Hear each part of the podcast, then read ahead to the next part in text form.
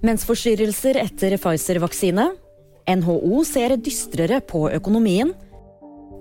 Og det fryktes at iransk fotballspiller blir henrettet.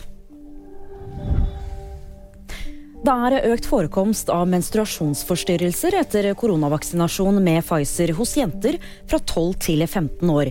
Studien fra FHI viser at det er vanlig med mensforstyrrelser blant jenter i denne alderen, men forekomsten var altså enda høyere hos dem som hadde fått én dose av Pfizers koronavaksine. Den norske økonomien vil trolig stagnere fullstendig de nærmeste kvartalene. Det spår NHO, skriver E24. Lyspunktet er at det ser bedre ut fra høsten neste år. Da øker aktiviteten og jobbveksten kommer tilbake. Det sier sjeføkonom i NHO Øystein Dørum. Den internasjonale spillerorganisasjonen FIFPro frykter for livet til den iranske fotballspilleren Amir Nasir Asadani. Ifølge Amnesty International så risikerer han dødsstraff etter å ha drevet kampanje for kvinners rettigheter i Iran.